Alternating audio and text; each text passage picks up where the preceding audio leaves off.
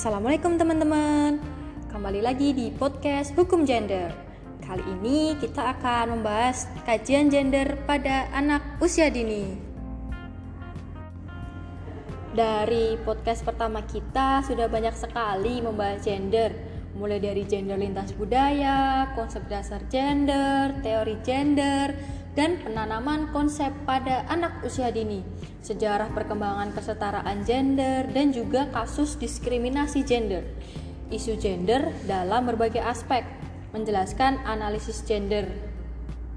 Nah, hari ini kita bakal membahas hukum gender nih secara lebih spesifik melalui materi yang nantinya akan kita ambil, yaitu kajian gender pada anak usia dini. Hari ini saya, dia akan ditemani oleh teman-teman saya yaitu Nisa, Ais, dan juga Idal. Halo teman-teman. Halo dia.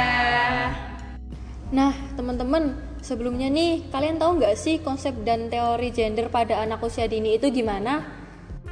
Oke dia, menurut aku gender itu perbedaan peran, fungsi, dan tanggung jawab antara laki-laki dan perempuan yang merupakan hasil konstruksi sosial dan dapat berubah sesuai dengan perkembangan zaman. Jadi, gender dan jenis kelamin itu berbeda ya teman-teman.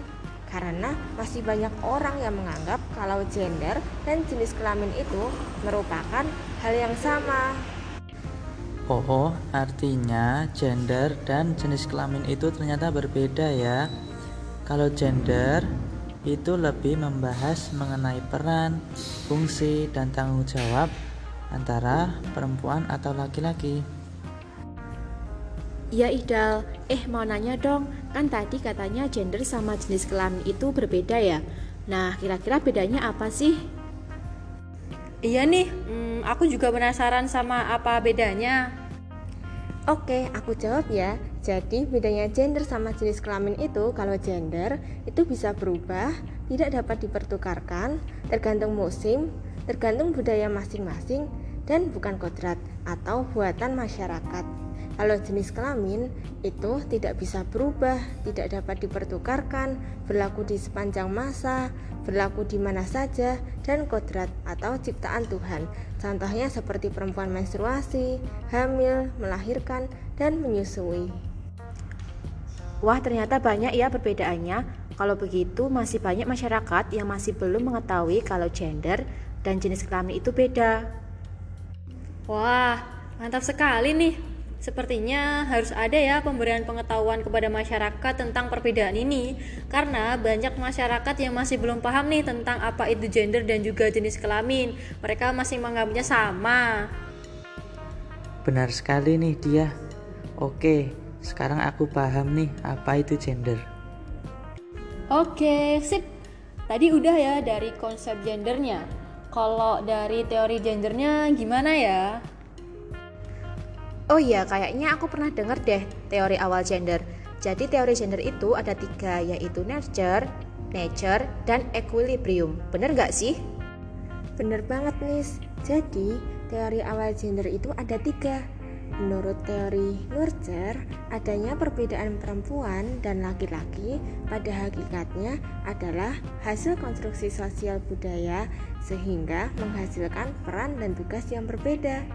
Sedangkan menurut teori nature, adanya perbedaan perempuan dan laki-laki adalah karena kodrat yang menyebabkan perbedaan biologis yang memberikan implikasi bahwa kedua jenis tersebut memiliki peran dan tugas yang berbeda.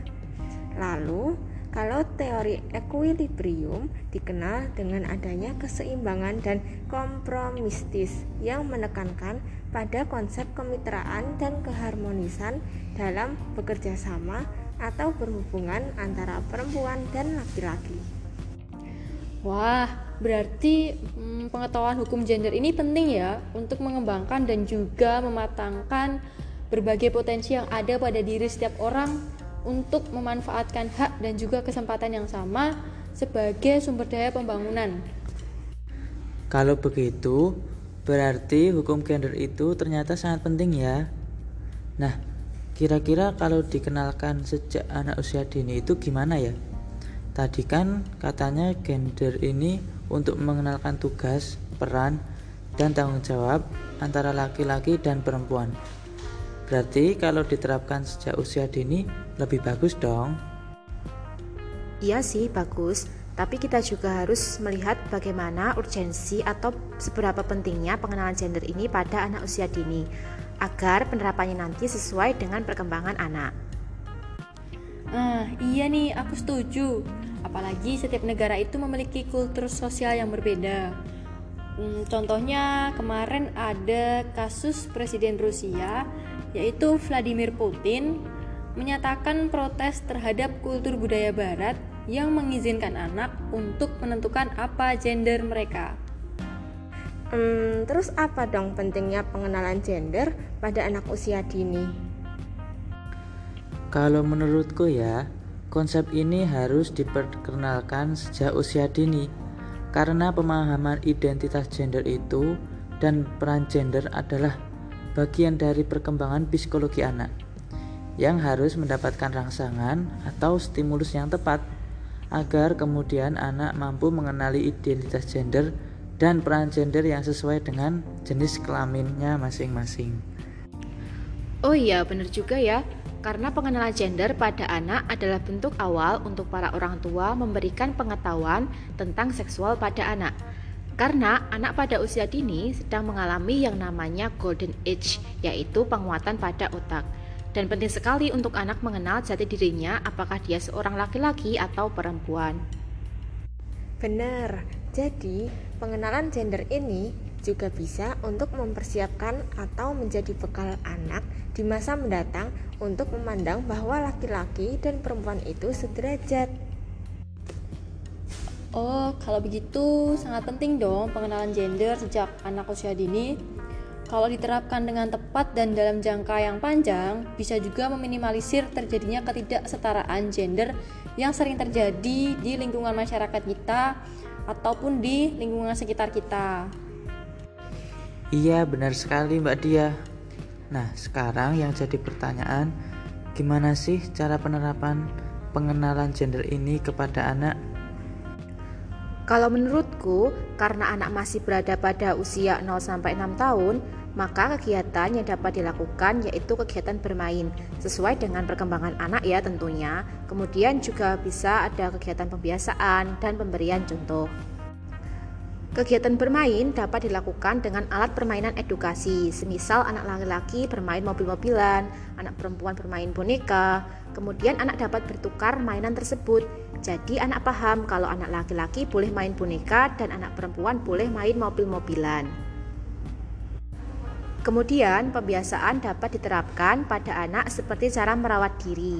Misalnya, seorang anak perempuan memiliki rambut yang panjang. Nah, bagaimana cara merawat rambut yang panjang? Kemudian anak laki-laki rambutnya pendek. Bagaimana cara merawatnya? Seperti itu. Untuk pemberian contoh, anak kan seorang peniru yang ulung gitu ya. Jadi sebagai orang tua juga harus berperilaku bagaimana selayaknya perempuan atau bagaimana selayaknya laki-laki. Nah, dari situ anak akan memiliki gambaran mengenai konsep gender. Oh, sebenarnya agak simpel ya, tapi harus ada perhatian khusus sih menurutku. Selain itu, harus ada kesadaran dari orang tua. Bener banget nih Ais, tapi menurutku nggak hanya kesadaran dari orang tuanya aja sih, tapi juga dari guru dan juga lingkungan anak. Karena ya pastinya anak itu berinteraksi tidak hanya dengan orang tuanya saja tetapi juga dengan banyak orang dan juga berinteraksi di lingkungan masyarakatnya. Seperti itu. Iya bener. Anak juga bakal sekolah juga kan? Berarti guru juga punya peranan yang sangat penting di sini Iya teman-teman benar banget. Jadi sekolah atau guru juga memiliki peran penting di sini karena sekolah dapat dikatakan sebagai rumah kedua anak nantinya untuk memperoleh ilmu. Untuk penerapan hukum gender ini, mungkin guru dapat melakukan beberapa tindakan seperti tidak memberikan stereotip kepada anak. Misal meminta bantuan anak laki-laki untuk memindahkan mainan, meminta anak perempuan untuk menyapu kelas. Padahal kegiatan tersebut sebenarnya bisa dilakukan oleh anak perempuan maupun anak laki-laki. Bener sih, setuju banget nih. Selain itu, mungkin juga dapat memberikan kesempatan yang sama antara laki-laki atau perempuan untuk berpendapat. Kemudian, tidak memisahkan kelas mereka seperti itu. Wah, mantap. Berarti pengenalan gender pada anak ini simpel ya, tapi memerlukan sinergi antara orang tua, guru di sekolah, dan lingkungan anaknya. Iya nih, bener banget. Jadi kesimpulannya yaitu pengenalan gender dapat dilakukan sejak anak usia dini dengan stimulasi yang tepat. Karena pengenalan gender ini ternyata memiliki banyak manfaat bagi anak, seperti mengembangkan kesadaran anak bahwa laki-laki dan perempuan itu memiliki tanggung jawab yang berbeda, namun memiliki hak yang sama, sehingga anak memiliki kesadaran bahwa laki-laki dan perempuan itu setara. Iya, bener banget. Iya, setuju banget sih. Iya, bener. Oke nih, kalau gitu mungkin itu dulu ya diskusi dari kita. Mungkin lain kali kita bisa diskusi lagi. Terima kasih ya teman-teman yang sudah berdiskusi hari ini. Kalau ada salah kami mohon maaf ya. Akhir kata, ada pantun nih. Buah mangga dicuci sampai bersih. Sampai jumpa dan terima kasih.